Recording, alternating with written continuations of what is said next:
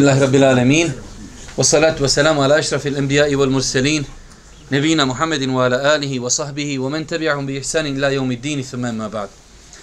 Doista svaka zahvala pripada uzvišnom Allahu Tebarek ve ta'ala. Salavat mir selam na Allahu poslanika, Allahu miljenika Muhammeda alihi salatu wa salam njegovu časnu porodcu, njegovu uzorte ashabe i sve ljude koji slijede put istinu su njega dana.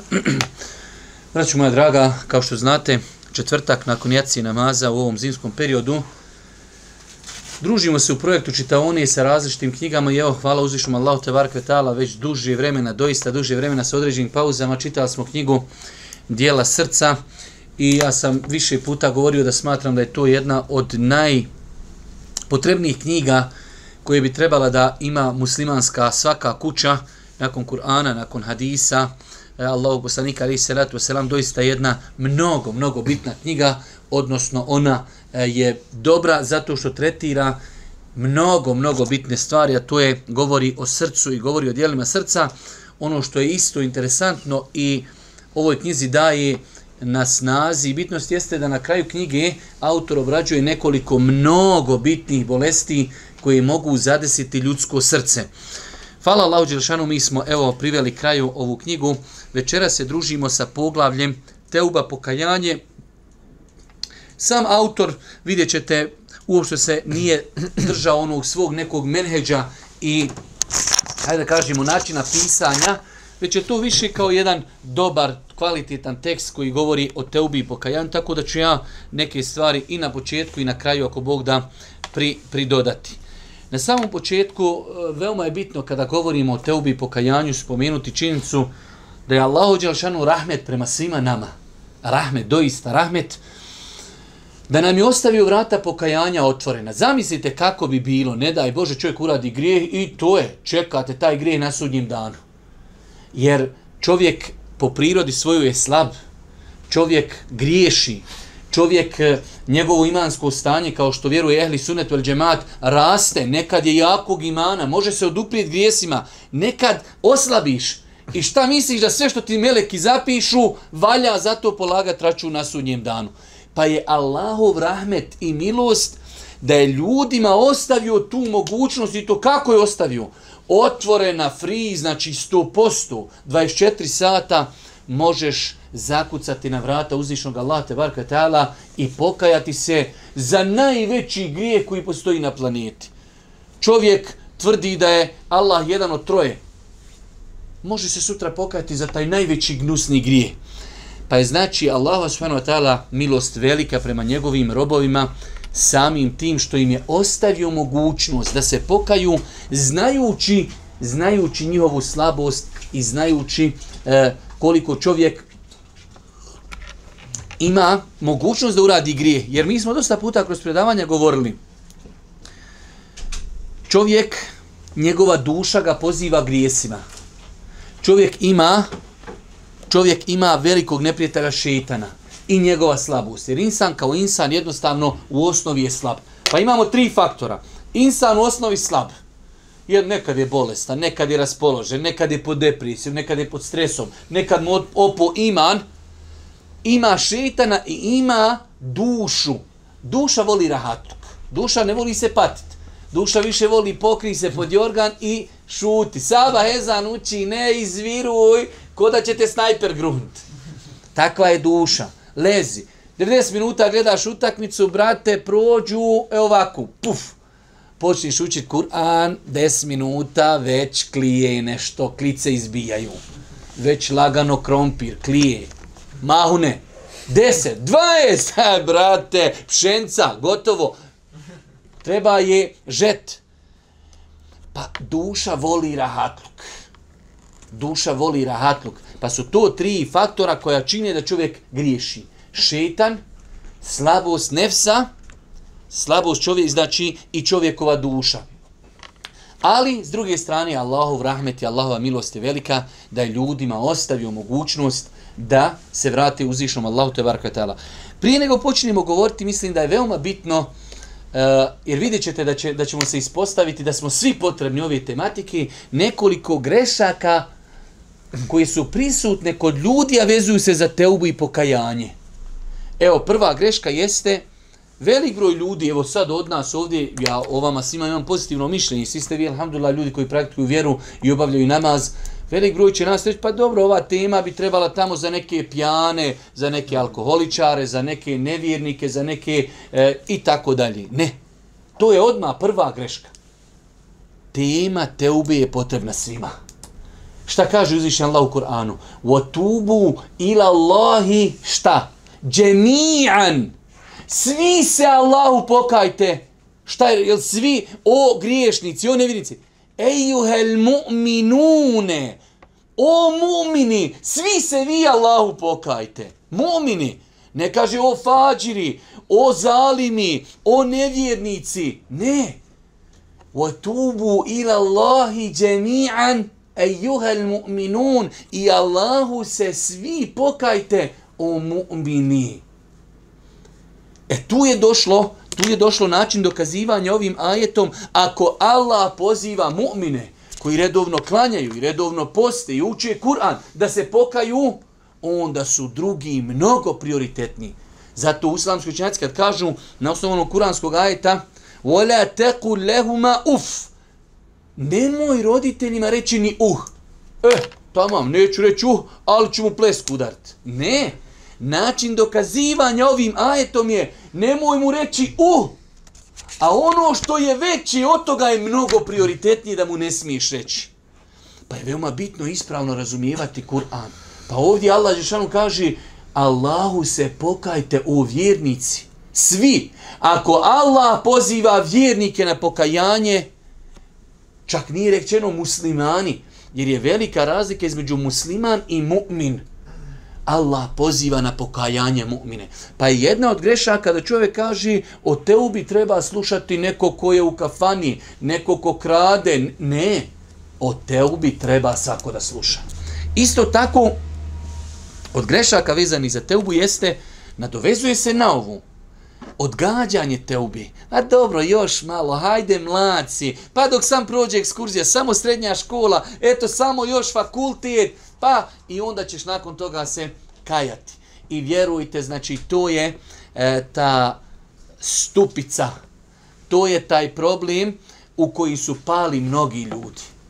Ne, ne, šeitan je tako pametan. On je tako mudar. On čovjeku neće, neće se pokajati. Jer pogotovo mi Balkanci, mi smo kontraši, Bože, sačuvaj. Nama da šetan kaže, e ne se pokat. E hoću, sad ću biti veći, veći musliman.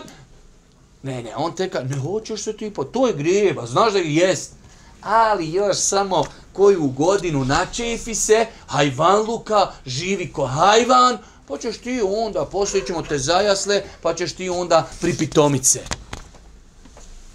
Pa je odgađanje te ubije, tanak led na koji je naletilo mnogo ljudi. Znate koliko je ljudi umrlo u kufru, u pravom kufru? Čovjek sjedi, iščitava Kur'an, iščitava sunnet. Ovo je kaj sve dobro, ovo je sve u redu. Mogu bi ja biti musliman? Pa bi mogu, bi ali da još, nemoj, pa nisi ti još, nisi čvrsto odlučio, znaš šta je, polako, razmisli, razmisli 20 godina tup, melek smrti dođe u kofer, zakopaji i završena stvar. Tako čovjek ide kroz mašćaršiju svaki dan, ezan, pa mogu bi u džanju, neka, neka još malo, neka još malo, neka još malo, melek smrti, tup, tup, daj, tabut, nosi. Pa je odgađanje pokajanja isto jedna od grešaka. Isto tako, određen broj ljudi, To su oni, o, o njima ćemo inšala govoriti u nedjelju dole na Igbanu, dođite, e, to, to, to su ljudi sad onaj pod depresijom, pod stresom, e, oni idu nešto uvijek tri koraka unaprijed, toliko su oni napijeti da oni sve nešto, neću se ja pokajati, jer ako se pokajem, mogu bi se ja nekad vratiti grijehu. Vidiš šetanske logike. Pa bolje ovako da budem non stop u grijehu, nego da jednom malo prekinim da ugasim. To ti isto s autom. Pa ugasi malo ako se ohladi. Pa ako nekad opet upališ, opet ćeš ugasit. Ne, ne, veli neke upaljen non stop, neke zagrijano. Pa je i to jedna od grešaka vezani za teubu, a to je da čovjek kao bojim se, vratit ću se grijehu. Ti se ti pokaj, možda se niješ vratit. Hajmo neke 50-50.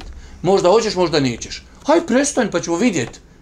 Ali njemu šitan da kaže, ne, ne, ne, moj ti prestat. Možda ćeš se vratiti po tobi pa će biti sramota. Isto tako, određen broj ljudi e, razmišlja o teubi, razmišlja o pokajanju, žena razmišlja o hijabu, čovjek razmišlja da ostavi kladionce, da ostavi alkohol, da ostavi e, kriminal, ali šta će reći komšiluk, šta će reći narod. Ja nikad u životu u džami nisam bio, nikad. Valja sad ući u džamiju. Njemu je lako ući u birtiju, tu ga svi znaju, svi uđe, on časti, svi ga znaju i to je to. Valja sad u džamiju. Pa isto i to velika greška da čovjek svakako nije to lako. Ali čovjek sam treba hladne glavi da razmisli. Ako budem tako razmišljao, neću se nikad pokajati. Zašto? Jer ja živim društveno, ja sam uvijek s nekim narodom. Uvijek će biti naroda koji me zna. Neću nikad otići na Mars da bude, e, eh, ja se kajem i ode na Mars, sad me niko ne zna. Ne, uvijek ćete neko poznavat. Pa je greška odgađati pokajanje zbog reakcije ljudi. Poslanik, ali i selam, bio poslanik. Prije poslanstva ga zvali El Emin, povjerljivi, vrh. Kada mu je došla prva objava, sazvo Mekelije. Kaže, kad bi vam ja sad rekao tamo iza brda, ima vojska koja hoće da vas napadni. Biste li mi vjerovali? Znate šta mu kažu? Kako ti ne bi vjerovali? Nađa rabna, nikad u životu od tebe nismo čuli da se slagu. Eh, tamo kaže, dobro, nikad nisam slagu. Kaže, ja vas pozivam da robujete Allah. E, danas kaj prvi put slagu. Znači, kako Anam on ljude, kako Anam on ljude nagovara. E, druga stvar, odnosno sljedeća greška jeste da insan ostavi pokajanje bojeći se da će izgubiti određenu dunjaličku privilegiju. Pa čovjek obnaša određenu funkciju ili je sportista, pjevač, u njima je se teško pokajati. Valja sad zbine više, nema više, nema pjevanja, nema i tako dalje. To su samo dunjaličke privilegije. Pa se ljudi boje izgubit će određenu dunjaličku privilegiju. I zato kada vidite da se neka pod navni značima zvijezda, neko ko je javna ličnost pokaju, vjerujte da taj čovjek vrijedi za drugu trojicu. Čovjek neki niko za njega ne zna po cijeli dan pio neđe u nekom čošku, sutra kada se pokaju. Ok, brate, ali valja se pokajat nekome koga znaju milioni ljudi.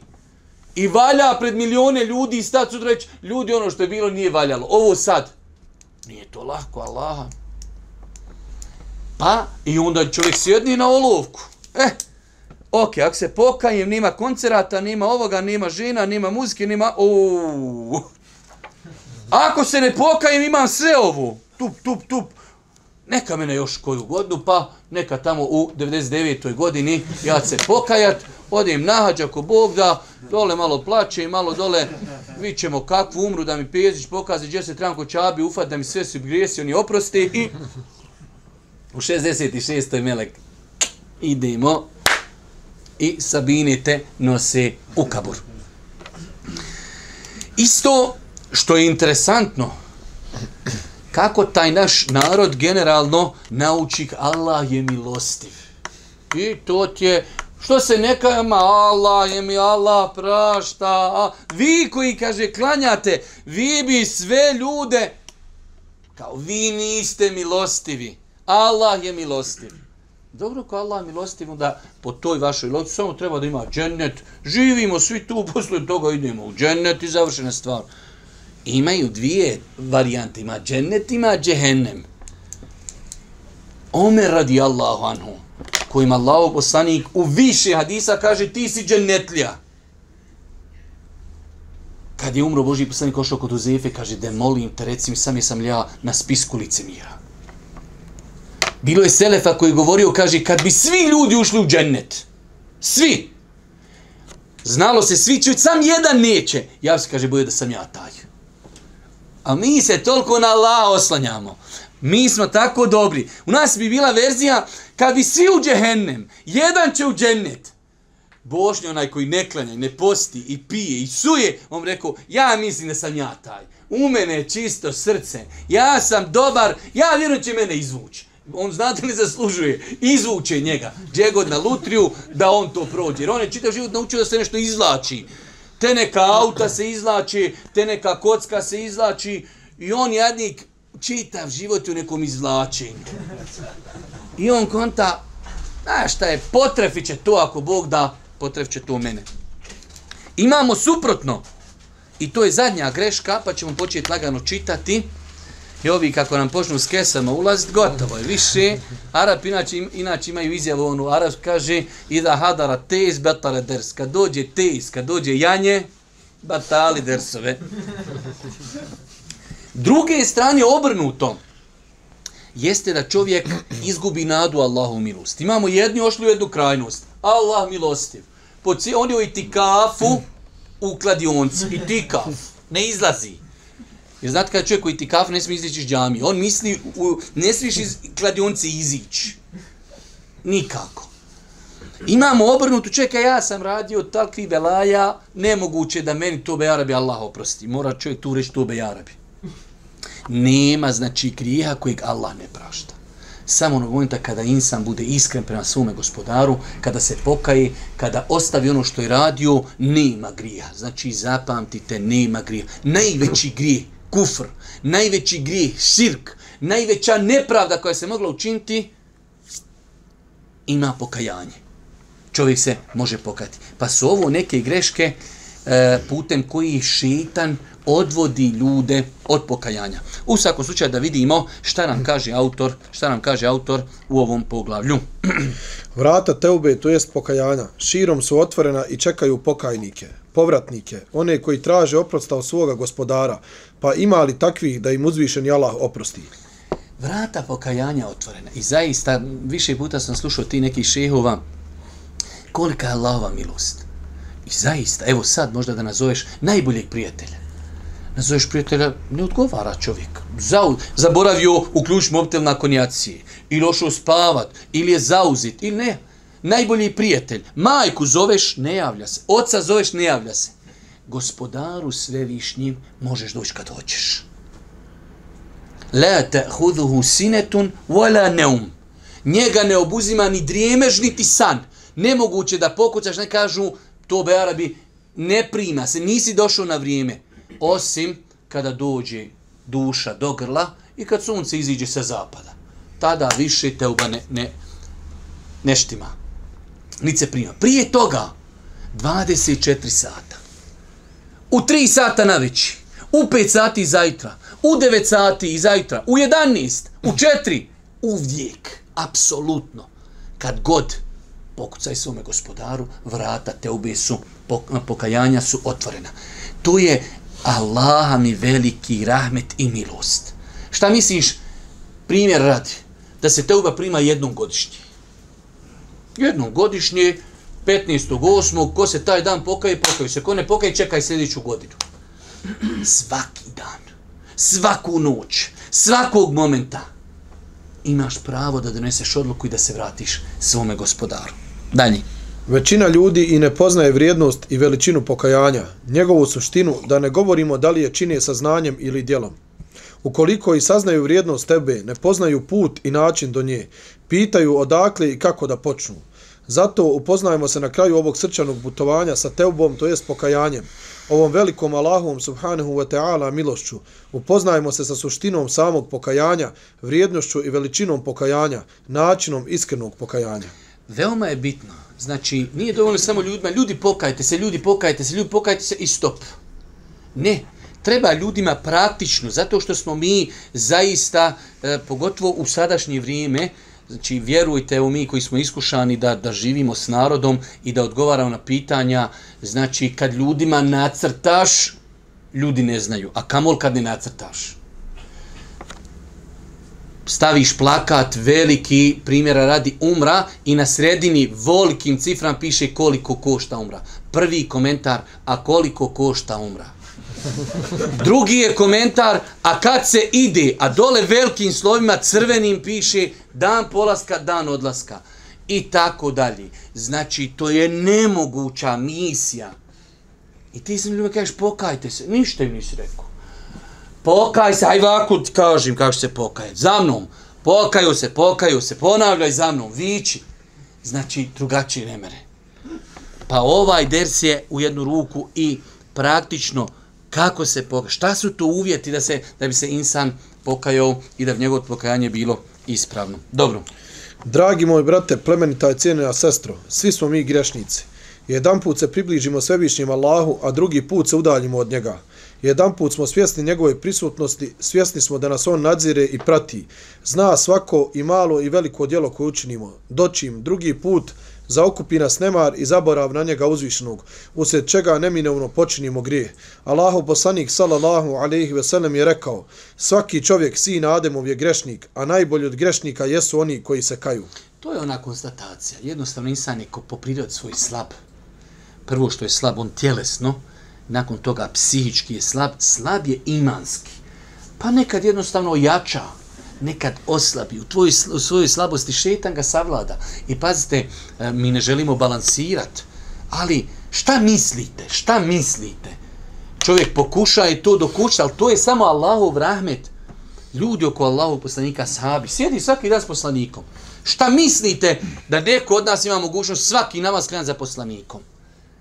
To je ogromna stvar da svojim očima gledaš poslanikom. Dođe čovjek kaže, ja, poslije ja učinio blud.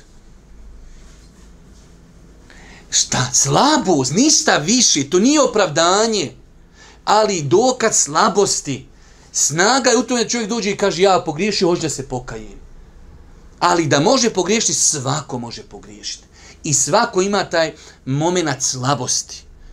Svakome će doći taj moment ili neiskustva, ili slabosti, ili nerazmišljanja i tako dalje. Tako da, insan treba da zna bez obzira, svi smo potrebni ovi temi. Griješenje, nemar i zaborav svojstveni su čovjeku i Allahova milost je velika kada je tom slabašnom čovjeku ostavio vrata teube sve dok ne umri. Naredio mu da se vraća svome gospodaru kada god ga savladaju grijesi. Da nije ovo je veliki Allahove milosti, doista bi čovjek bio u teškom stanju.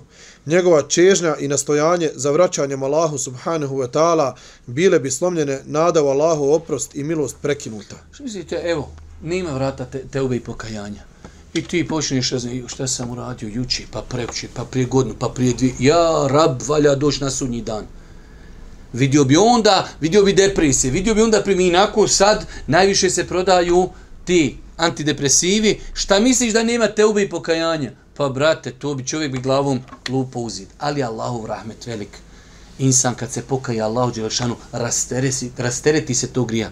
Ko što je došlo u onom vjerodostom hadisu, kaže, kada čovjek dođe, kada dođe na namaz, stane, donesu se njegov grijesi njemu na pleća. Kada god ode na ruku, kada god ode na seždu, ti njegovi grijesi spadaju. Tako i sa teubom i pokajanjem ko što je došlo u onim vjerodostojnim hadisima, da čovjek kaže e, grijesi njegovi padaju kao što e, lišće pada sa drveta. Pa insan kad se rastereti definitivno i fizički i psihički i moralno, mnogo je, mnogo je znači lakši. Dalje, nastavite. Subhanallah, kako li je lijepa priča koju spominje veliki islamski autoritet Ibn al-Qaim rahmetullah alejhi u svom dijelu Medariđu Salim Qin, kada govori o velikoj Allahovoj, velikoj neizmjernoj Allahovoj milosti po ljude.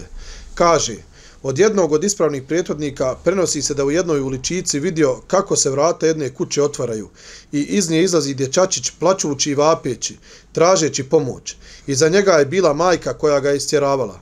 Nakon što ga je istjerala, ispred njegova lica zalupila je vrata i zaključala ih. Krenuo je dječačić, napravio nekoliko koraka i stao razmišljao je. Nije znao pored svoje kuće iz koje je istjeran drugu kuću koja bi mu pružila utočiste. Nije poznavao nikoga drugog pored svoje majke da bi prihvatio, da bi ga prihvatio. Tužan, slomljena srca, ponovo se vratio kućnim vratima. Našavši i zaključana, legao ispred njih, svoj obraz pustio na prag i zaspao. Nakon nekog vremena vrata se otkućala i na njih je izašla majka. Vidjevši svog sinčića kako spava sa obrazom položenim na prag, nije mogla da se suzdrži, da ga ne uzme u svoje naručje. Prihvatila ga u naručje, poljubila i rekla, Sinčiću moj, kuda ideš od mene? Ko će ti pružiti utočište pored mene? Zar ti nisam rekla da mi se ne suprostavljaš i da mi ne budeš nepokoran? Zar ti nisam rekla da me svojim ponašanjem ne tjeraš da postupim suprotno svojoj milosti, brizi i dobru kojeg ti želim? Zatim ga je unijela u kuću. Razmislimo o ovom majčinom postupku, ovim majčinim riječima, a zatim poslušajmo riječi Allahova poslanika, sallallahu alaihi ve sellem. Allah je milostiviji prema svojim robovima od majke prema svom djetetu. Ovo je zaista jedan pravo fin primjer. dođeš u situaciju da te tvoja majka izbaci iz kući.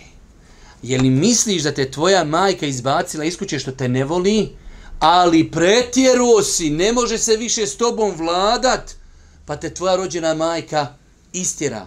Pa shvatiš, tek tada shvatiš koliko je njena velika milost. Nemaš gdje, pa se vratiš. Pa ti ona kaže, nemoj to radit. E, sličan je odnos gospodara i čovjeka. Kaže ti gospodar, o Allahov robe, o robe, ne idi tamo. Ako tamo budeš išao, iako te volim, iako te volim više nego što te majka voli, morat ću te kaznit. I ti onda ideš. I onda shvatiš da nemaš nigdje drugo nego Allah kad te svi ostavi, kad sve lađe potonu, kad te svi zaboravi, kad svi dignu ruke od tebe, ima gospodar, milostivi, samilosni i tako dalje. Pa insan, zato je došlo onim dovama kada Allah poslanik ali se selam kaže wa uzu bike mink. To ljudi nemoguće na bosanski prevest. Utječim se kaže tobom kod tebe. To, kad kažeš utječem se Allahu od zla, ali utječem se gospodaru tebi kod tebe. Sa tobom kod tebe. Ja nemam gdje drugu. Ako mi ti zatvoriš vrata, ako mi ti ne pokažeš napravi put, ako me ti kazniš, ne može me niko uputiti, ne može me niko spasiti. Zato nema gdje osim samo Allahu. Pokajanjem, ibadetom, teubom, iskrenosti, samo Allahu uzvišenom. Dalje. Gdje je put do sreće i uspjeha? Dragi moj brate, plemenita je cijenjena sestro, odgovor na vaša pitanja, vaše zahtjeve – Želim duševni smira i sreću, želim uspjeh i spas, želim oprost i milost, ali put i način koji vode do toga ne poznajem. Poput sam utopljenika koji traži da mu neko pruži ruku, pruži pomoć, poput onoga koji tminama želi da mu neko osvjetli put i izlazi iz istih. Vjerujte ljudi, danas na planeti imate milione ljudi koji su utopljenici. Mislite da oni ljudi po kladionicama, da su oni sretni. Allaha mi oni grcaju od nezadovoljstva. Mislite oni ljudi koji nikad u životu nisu na seždu pali. Mislite da oni ljudi koji ne znaju za Allaha, oni čekaju da im neko pruži ruku, ali nema tog neko da im neko pozove, da, da, im, da im pokaže pravi put. Dalje. Gdje je taj put? Odgovor je. Put je jasan kao sunce u zenitu, jasan kao mjesec u noći bedra. Put je jasan, put tebe i pokajanja. Put traženja Allahova oprasta i njegove milosti. To je put sreće i uspjeha. Lahak put, otvoreni prohodan za tebe u svakom trenutku. Na tebi je samo da zakoračiš njime. Naći ćeš odgovor u Allahu subhanehu wa ta'ala riječima gdje uzvišeni kaže ja ću sigurno oprostiti onome koji se pokaje i uzveruje i dobra djela čini i koji zatim na pravom putu ustraje. Ovo je kvaka. Ovo je, ovo je rezime života. Imate ljudi, nekad mu dođe, ostavio bi ja to i šta dalje? Ne, evo ga. Ja ću sigurno oprostiti onome ko se pokaje i vjeruje i dobra djela čini i ko na pravom putu ustraje. Ako se insan pokaju, ostavio, sad dolazi tek, trebam da nadoknadim ono što sam propustio, trebam da vjerujem, trebam da ustrajem. Pa je to put. Čovjek je bio išao 10, 15, 20 godina, gdje ne treba. Pored džamije prolazio, nije u nju ulazio. Psovo, vrijeđao, krao i tako dalje. Put je jasan, povratak Allahu, ali iskren povratak, ustrajnost na tom putu i činjenje dobrih dijela. Nastavi. Ukoliko ti se grijeh koji imaš pri sebi čini velikim, ogromnim, pomisliš da za njega nema oprosta, sjeti se kršćana i onoga što govori o uzvišenom Allahu. Allah je jedan od trojice. Sjeti se jevreja i njihova govora o Allahu, Doista Allah je siromašan, a mi smo bogati. I pored svih tih govora, Allah ih poziva da mu se pokaju i zatraže oprosta od njega, a on mnogo prašta i milostiv je. Kaže uzvišeni, zašto se oni ne pokaju Allahu i ne zamoli oprost od njega? Allah mnogo prašta i milostiv je. Bez obzira koliko insana koje je bez, bio imao, imao ikakvu vezu sa, sa islamom, ne može nikako biti na tem, tom stepenu grijeha, znači da je bio u kufru tolikom, Ako ti šeitan dođe, pa hoće li tebi Allah oprostiti, pa se možeš? Može. Allah prima teubu, prima pokajanje, samo je na nama da krenemo tim putem. Dalje. Ako ti se tvoj grijeh učini ogromnim, sjeti se grijeha mnogobožaca. O njima uzvišeni kaže, pa ako se pokaju i budu obavljali namaz i davali zekat, braća su vam u vjeri. Ma koliko i kakvih ima grijeha, znaj da će ti uzvišeni Allah oprostiti ukoliko se iskreno pokaješ za njih. Makar ih bilo koliko je morske pjene, Allah će ih oprostiti, ukoliko se iskreno za njih pokaješ. Makar ih bilo koliko je između nebesa i zemlje, Allah će ti ih oprostiti, samo padni svome gospodaru iskreno na seđdu i zamoli ga za oprost. Ne zaboravi riječi svoga gospodara. Reci, o robovi moji koji ste se prema sebi ogriješili, ne gubite nadu u Allahovu milost. Allah će sigurno sve grijehe oprostiti, on doista mnogo prašta i on je milostiv. Kako autor ovdje koristi hadijske termine. Allah poslani kaže u hadisu لَوْ بَلَغَتْ ذُنُوبُكَ عَنَانَ السَّمَا Kad bi tvoji grijesi bili napunili nebesa, došao si Allahu, nisi činio širka, pokajao si se, Allah će ti oprostiti. I ovaj ajet, ovo je jedan od najvećih ajeta koji pozivaju pokajanju. Reci, o robovi moji, koji ste se sve prema sebi ogriješili. Čovjek kada čini grijehe, samo sebi nepravdu čini. Ne gubite nadu. Haram je gubiti nadu Allahu milost. Da čovjek kaže, ja sam izgubio nadu. Nemoguće. Čovjek nekada traži posao. Kaže, ja sam izgubio nadu da ću naći posao. To možeš izgubiti nadu neki dan da ga Allah nagradi, možda ne gleda ovaj ders, javio se jedan brat, kaže, prosio sam dosta 35 žena. I nema sreće, ko samo naprijed paša, nemoj gubit nadu. Ali u grijesima ne smije čovjek gubit nadu. Allah će oprostiti grije. Samo onog momenta kada se ti istinski pokajšao. Svakvaka, sva pojenta je ovdje, da budeš iskren. Šta mislite da nama sad čovjek uđe ovdje? Ja znam da smo pod emocijama. Dođe čovjek kaže, ljudi, bio je rat, bilo je šta je bilo. Ja sam učestvovao u, u nekom zločinu na vašim narodom. Mogli se ja pokajati? Idi u Tunguziju, pitaj dol, moraš nemoj nas pitat i to je to. Kaže Allah poslanik, bio je čovjek prije vas koji bio 99 ljudi došao kod pobožnjaka i mogli se ja pokajati. Ti pokaj, ne mereš, kaže. E, ne mogu. Sablju, e, veli, ne bude trocifem broj. Ubio sto ljudi. Otišao kod učenog čovjeka. Kaže, mogu li se ja pokajati? Kako ne možeš, kaže. Ko te spriječava da se pokaješ? Ali, kaže, ti živiš u zemlji gdje narod loš, idi u drugo mjesto, pa živi sa njima i Allahu robuj. Sto ljudi čovjek ubio. I znate da je na pola puta mu došao melek smrti. Pa su došli meleci, došli ovi u čijoj stranci je bio čitav život. Kao ovaj za džehennema ubio sto ljudi. Došli meleci rahmeta, kaj ne, ne, čovjek pokajni, krenuo nama. Pa je uzvišeni Allah poslao meleka da im presudi. Kaže, izmjerite. Gdje bude bliže toj zemlji pripada? Pa je došlo u rivajetima, kaže, kada je umiro, krenuo je prema toj zemlji i pao tamo i bio je za pedalj bliži. Sam za pedalj bliži. Allah ga nadahnuo da se nagne i tamo rokne. Puf! I kako je tam spao, za pedalj bio bliže toj zemlji. Ubio sto ljudi čovjek, ali bio iskren. I ovo je veliki ders. Ne smije insan gubiti nadu ni u koga. Maka ima rođaka, nikad ušao u džamiju nije. Je li Allah ti ubio sto ljudi? Nije. Idi sa njim i zovi ga. Moli i plaći, budi dobar prema njemu. Nije njegovo srce gori od onog srca čovjeka koji ubio sto ljudi. Halo, vallah, neko kaže, aj sto kokoša za kolji, ja ne bi mogu. Pošlo je. Što misliš ubi sto ljudi? Kakvo je to srce, ja rab? Pokaju se iskreno. Pa je pojenta te ubi sva u srcu. Nema tu više namazanosti kameleona. Pa ja ću vidjeti jednu hepču, znaš šta je ono šibicarski. Pa ako bude išlo, išlo. Imaš ti ljudi, on bi krenuo bi on u islam, pa onda jednu heptu dana očekujem konta paketići neki spadaju. Ozdravite što je bio bolestan, dolazi na faka, neki mu signali dolazi. Nema signala, nema paketića, čak šta viši, tek tada ti dolazi iskušenja. Da su iskren, aha, puh, odi vamo sad, da se dokaže, e hasiben nas, misle li ljudi, amen, vjerujemo, hoću od vamo, da vidimo, vjeruješ li.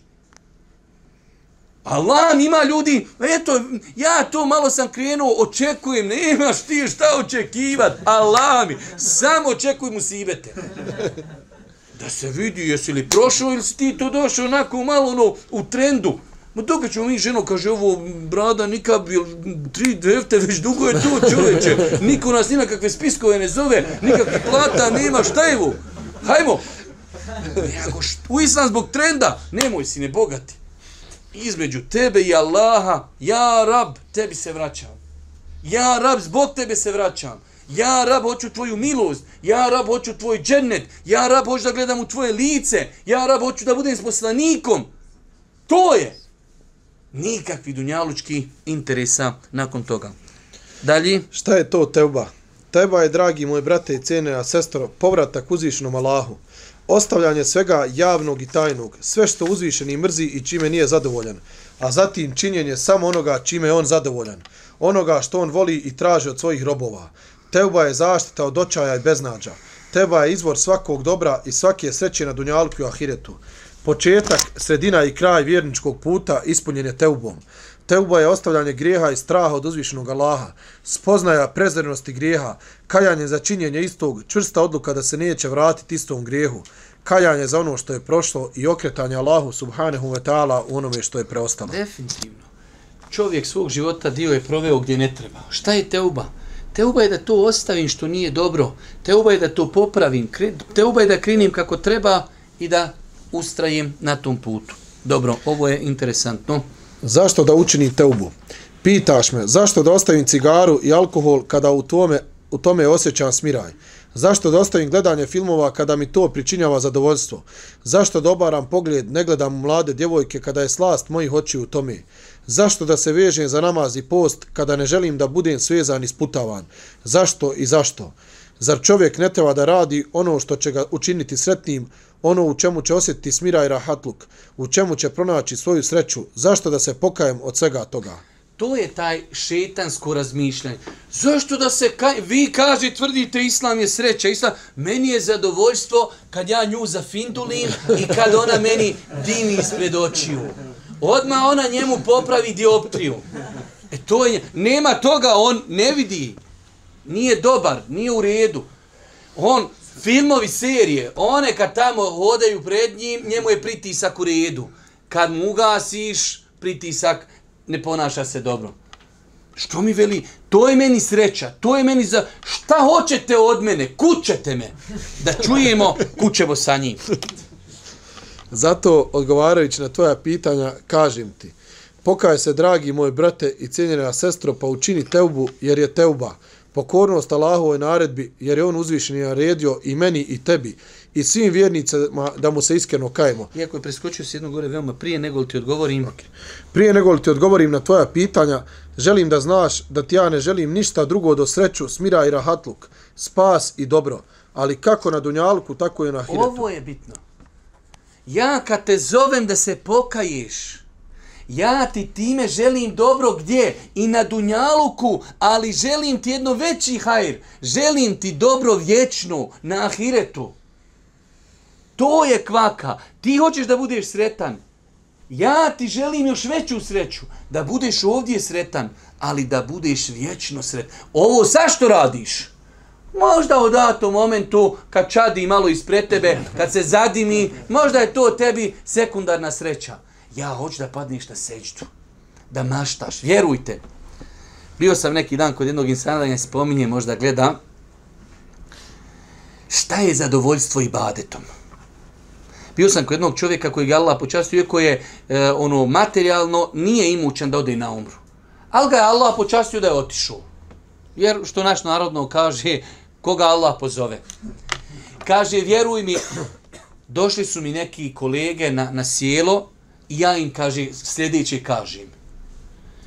Kada bi mi neko dao kamion pun para, pun, ali kaže, s tim parama ne možeš nahađi na umru. Radi od dunjalka šta hoćeš, ali sam ne možeš nahađi umru. I s druge mi strane je dao kartu na umru. Allaha mi kaže, ne bi razmišljao minute, uzeo bi kartu, ne bi uzeo one pare tamo na kamionu. E to je sreća. To je zadovoljstvo.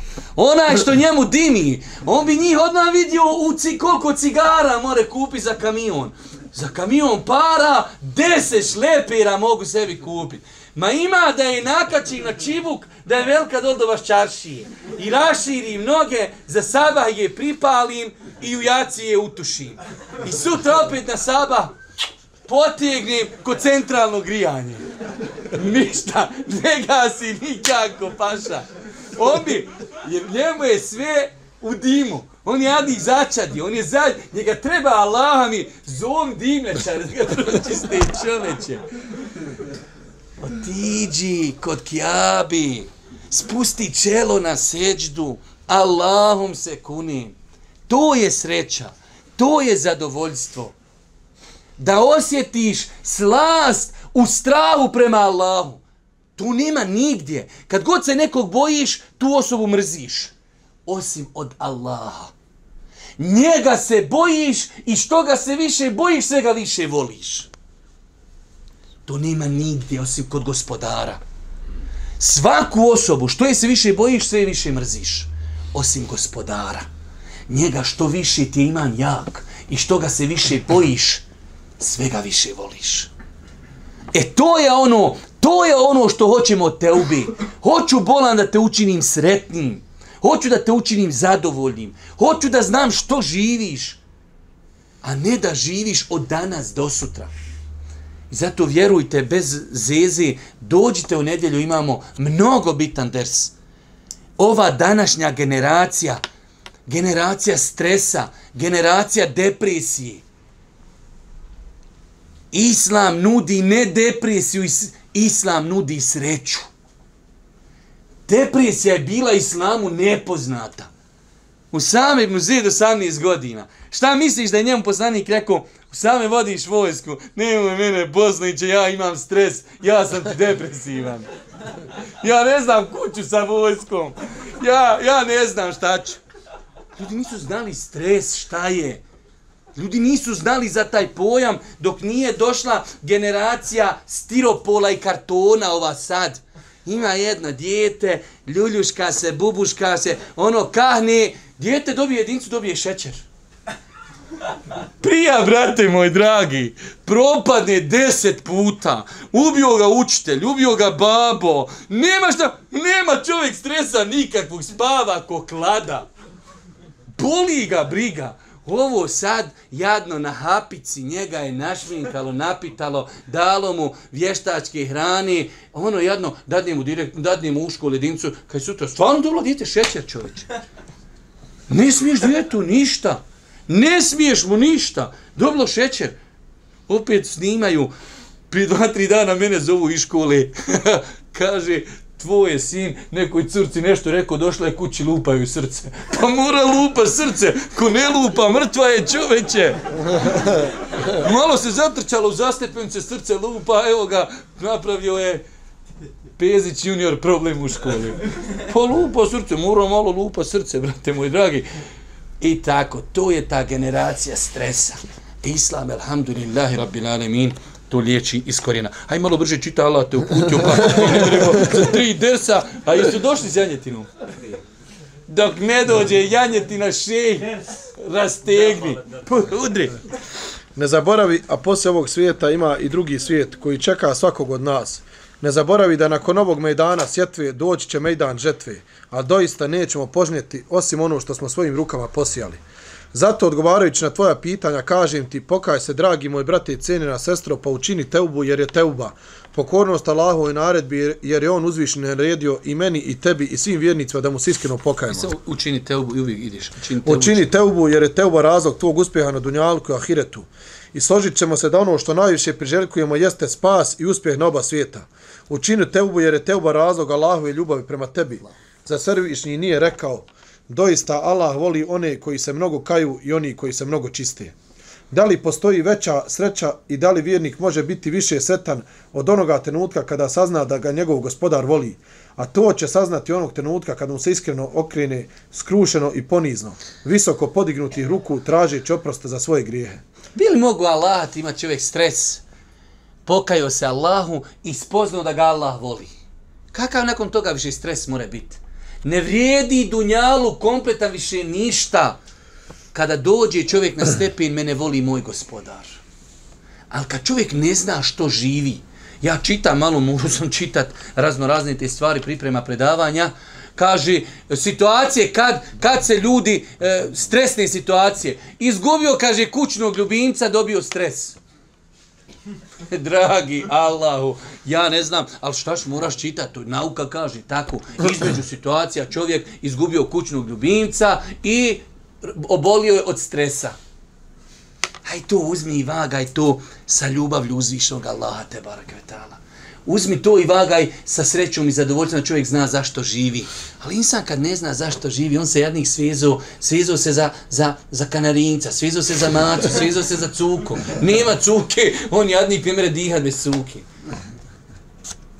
Toliko insan može, može propasti kad se odalji od uzvišnog Allaha subhanahu wa ta'ala. Učini teubu. Učini teubu jer je teba razlog tvog ulaska u dženet i spas od vatre.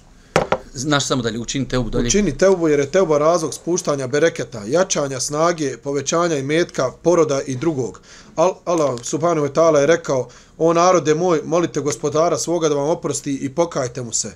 On će vam slati kišu obilnu i daće vam još veću snagu uz onu koju imate i ne, odla, ne odlazite kao mnogobožci. O, kako, da, e, kako da se pokajemo za svoje grijehe i vratimo svome gospodaru? Dragi moj brate, plemenita i cijenjena sestro, mnogi od nas shvataju da nema drugog izlaza i puta do sreće na oba dva svijeta, osim u povratku Allahu subhanahu wa ta'ala.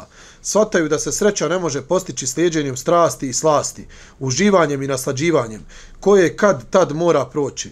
I šta poslije toga? Kažem, mnogi to od nas shvataju, ali ne znaju kako da učine pokajanje, kako da se vrate svome gospodaru, odakle da počnu Pod jedan popravimo svoj nijet i namjeru. Mhm. -huh. Iskreno se pokajem uzvišenom Allahu. Doista čovjek ukoliko očisti svoje srce prema Allahu i bude iskreno tražio povratak njemu, Allah će ga pod pomoću u tome sačuvat će ga svega što ga odvraća od iskrene teube. Ovo je kvaka, rekli smo više puta.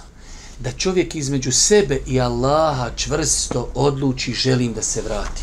Nemam od toga nikakvu dunjaličku korist. Želim samo Allahovo zadovoljstvo. Želim da mi on oprosti grijehe. Allah Đelešanu neće ražalostiti svoga roba. Nemoguće, zapamtite.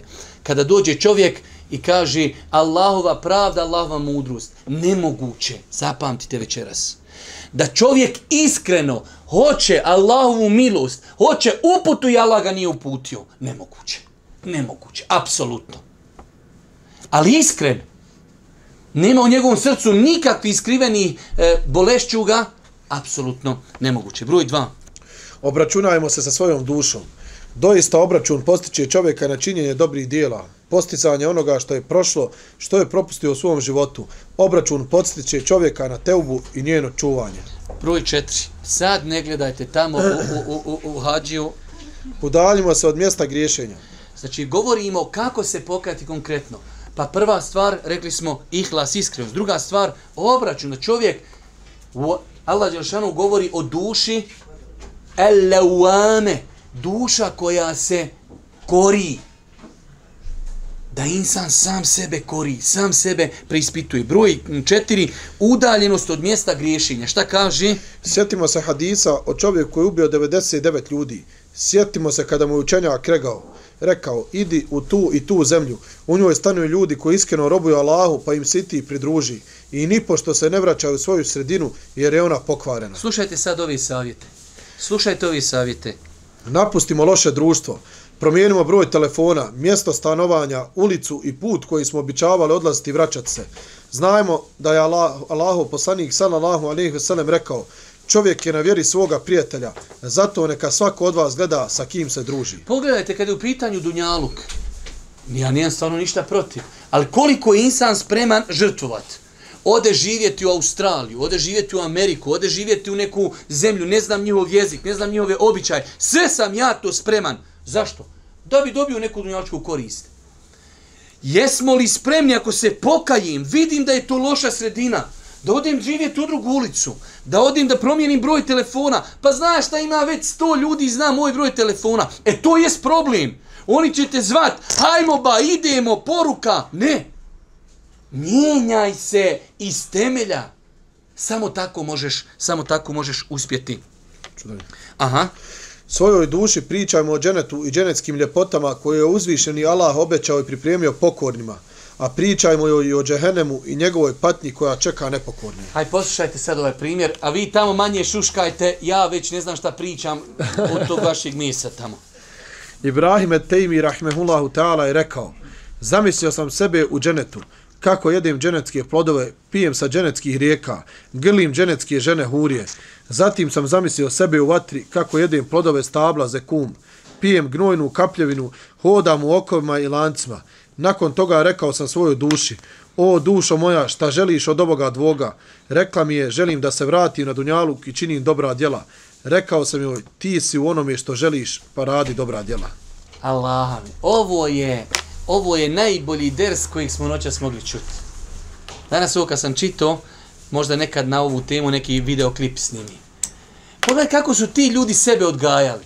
Fino kaže, sjedi i zamišljam džennet, džennetske ljepotice, mlijeko, hurije, uživanja, plodovi. Aha, fino. Nakon toga zamišljam, ne daj Bože džehennema, pa patnja, pa šta se pije, pa šta se jede, pa gori, pa sve. I onda sam sebi kažeš, a šta bi volio? Ovo ili ovo?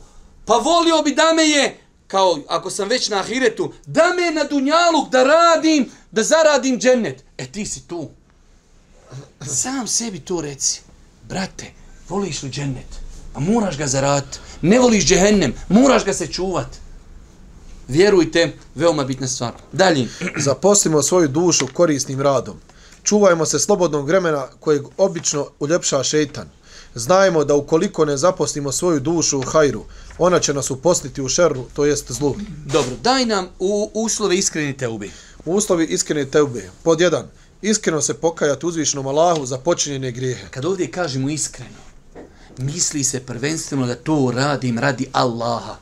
Ne radim radi komšije, ne radim radi majke, ne radim radi oca, ne radim radi stranki, ne radim radi direktora, ne radim ni... Radim to radi Allaha. Broj dva. Priznati da je dotično loše djelo grijeh. Ono što sam radio, ako nisam radio grijeh, nijem šta ni priznat, ali ako sam radio nešto što je loše, ono što sam radio nije bilo dobro. Dalje. Pod tri. Ostaviti odmah djelo koje je grijeh. To je sastavni dio teube i pokajanja. Čujem ders o pokajanju, pa vidjet ću ako Bog da tamo neđe odljetos, pa ću i ja ako Bog da se pokajat. Doljetos, brate, Allah zna, Allah zna, te crvi pojdu tri puta da te proradi. Noćas, sutra, nisam jaci u klanju, ženo, pa stekiju, nemamo, prostri čaršav, klanjamo jaciju. Od noćas. Znači, to je dokaz iskreni teubi. Jel počneš filozofirat? A znaš šta je dok imam neki poslova, dok se vratim s putovanja? Aha, a jesi vidio Pegasu što se skrhu? Aha, aha, aha. Šta misliš? Se ti skrhat? Sio preko okeana kad letiš, samo malo počni se treš, kako ljudi zikri, šućuraju. Aj priču jedan student Birvaktile iz Medine putovali, pa ono narod, ne da šeitan mira ni na nebesima. Pa vozimo se, kaže, mi u avionu, a oni dijete neko malehno bilo, pa oni malo malo dijetu, ko dijete, jedno, ono, de nešto opsuj, de nešto, znaš. I ovaj jedan student naš, Haili mnogo, ovdje on ima ljudi, veli, bojte se Allaha, dijete, psujete, na nebesima smo, de, haj, Kaže, kad je se avion počeo tres, kako ljudi uče Rabi Jesir, Fatihu, merhaba jedni drugima viču, ne se viču, merhaba, merhaba, samo spašava ja rab, tajac, tišina. E, pa insan, ne zna insan kada će otići sa Dunjaluka.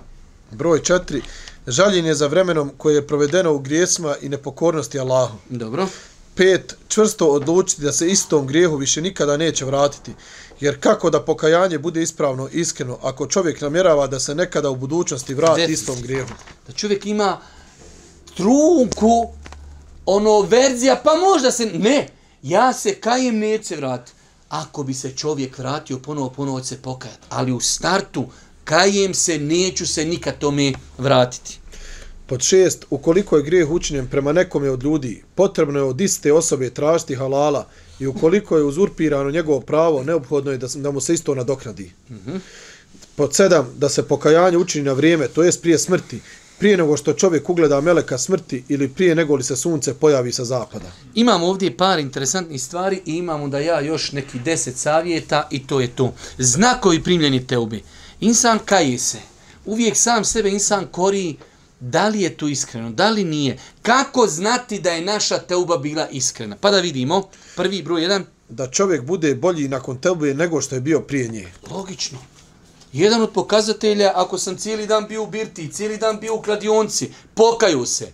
I ja uvijek isti. Nema tu ništa. Znači čovjek mora samim ostavljanjem grijeha, ako Bog da, on je već bolji. Broj dva.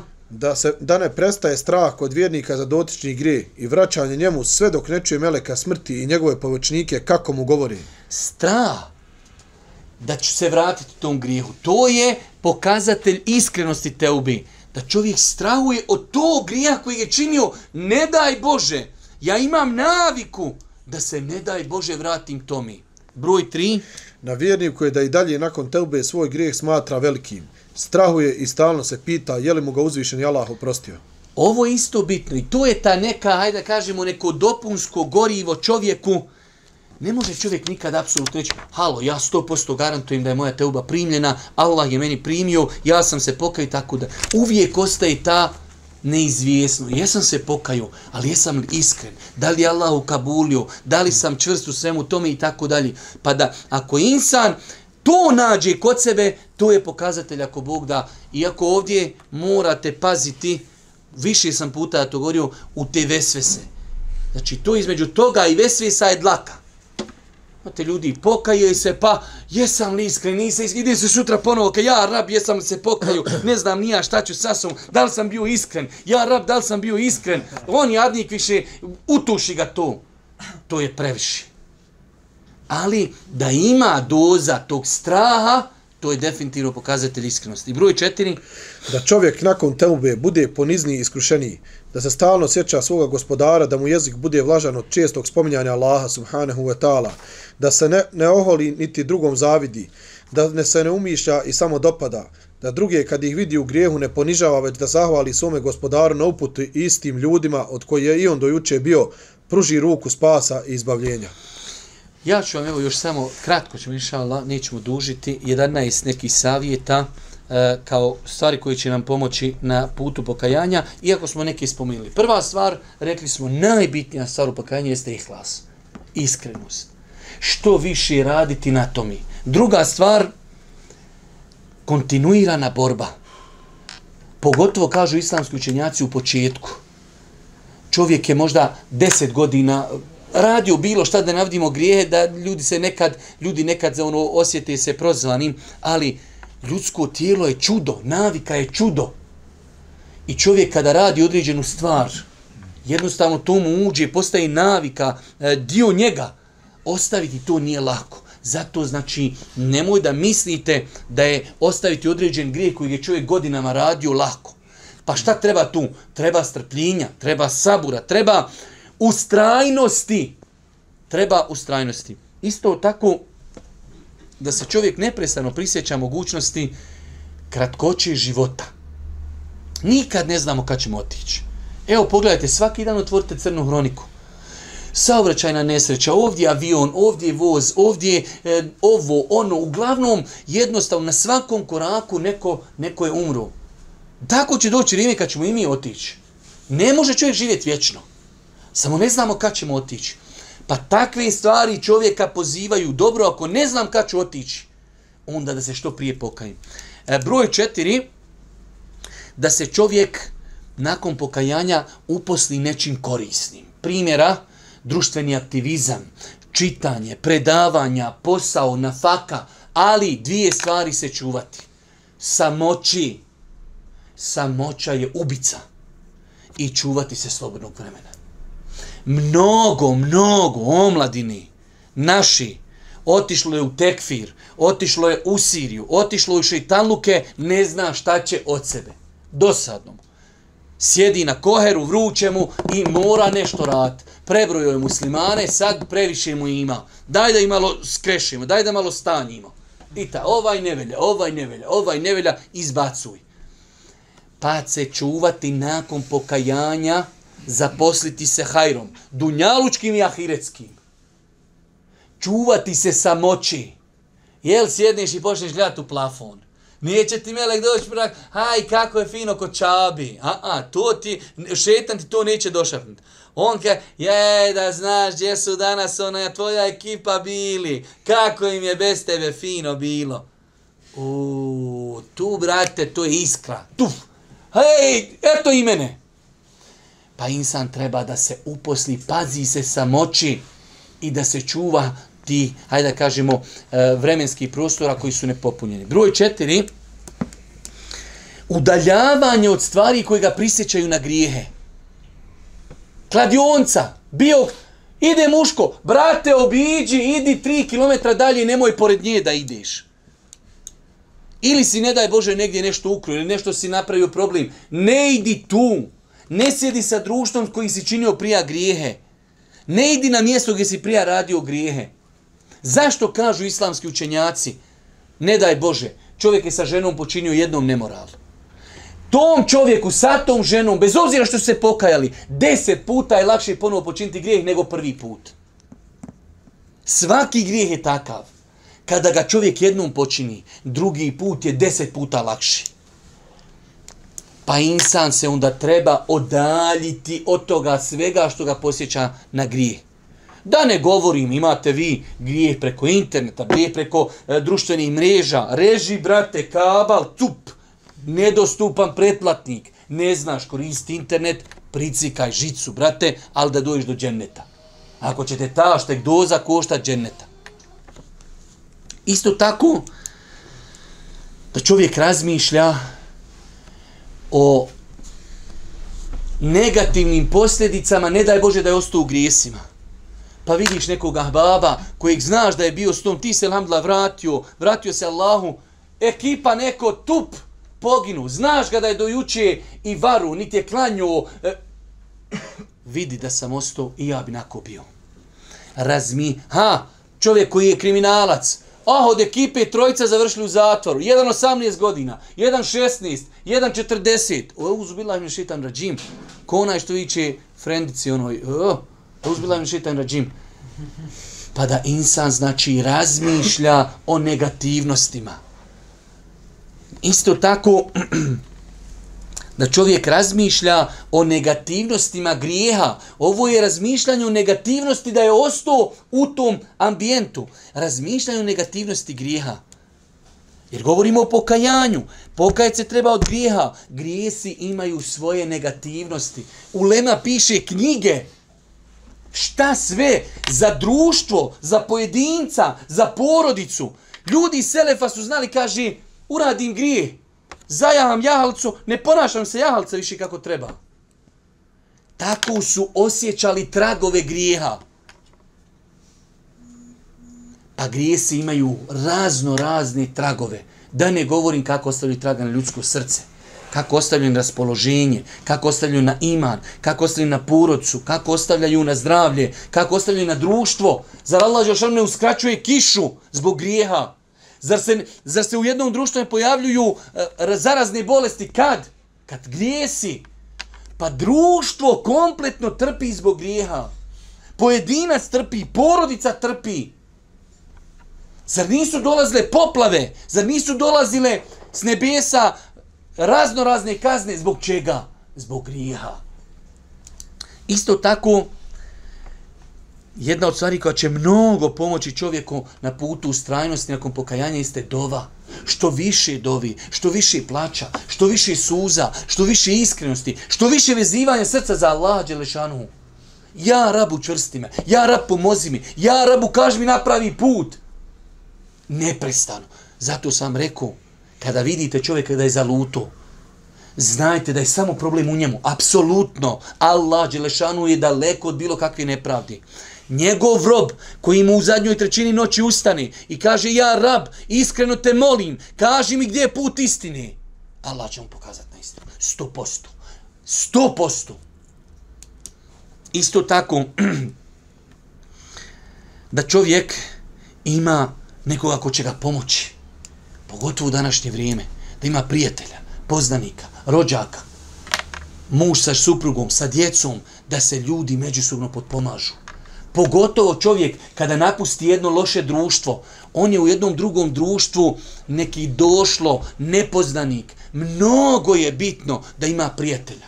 S kime će popit kavu, kome će kazati probleme, ko će ga posavjetovat, ko će ga pokritikovat, ko će ga usmjerit. Mnogo bitno. Zato je Allahov teufik, znači Allahovo nadahnuće insanu da nakon teubi upozna fino društvo da se sa njima druži, sa njima druži, sa njima uči društveni aktivizam, predavanja, porodična sjela i tako dalje. Jedan veoma bitan faktor. Allah Đelšanu molim na kraju ovog našeg predavanja da nas uči na putu vjeri. Allah subhanahu wa ta'ala molim da nam bude milostiv na sudnjem danu. E, evo, kao što ste čuli i vidjeli, mi smo večera završili sa ovom knjigom. Ja još nisam odlučio šta ćemo ako Bog da od sljedeće sedmice čitati. Postoji neka mogućnost za dvije, tri sedmice nakon imadimo neka opća predavanja E, dok ne odabirimo nešto što će nam koristi, ali u svakom slučaju smatram da smo zaista napravili jedan veliki historijski korak, da smo, evo, nakon dužeg vremena cijelu ovu knjigu pročitali, nakon koliko smo mogli nešto malo i proanalizirali. Definitivno možemo na kraju, e, iako smo to rekli već na početku, ali možemo kazati na kraju da se nismo razočarali, odnosno da je odabir ove knjige bio apsolutno znači ispravan svima nama. Vjerujte, svaki put kad pripremam ova predavanja, e, svaki put se koristim, svaki put iznova nauči čovjek nešto novo, tako da je ovo definitivno jedna mnogo, mnogo dobra i kvalitetna knjiga. Allah, molim da našeg šeha i rudina poživi u svakom hajru, e, da ih za sebe nije ostavio ništa drugo osim ove knjige, znači on je naš narod zadužio. E, Subhanak Allahumma bihamdika ashhadu an la ilaha illa anta astaghfiruka wa atubu ilaik.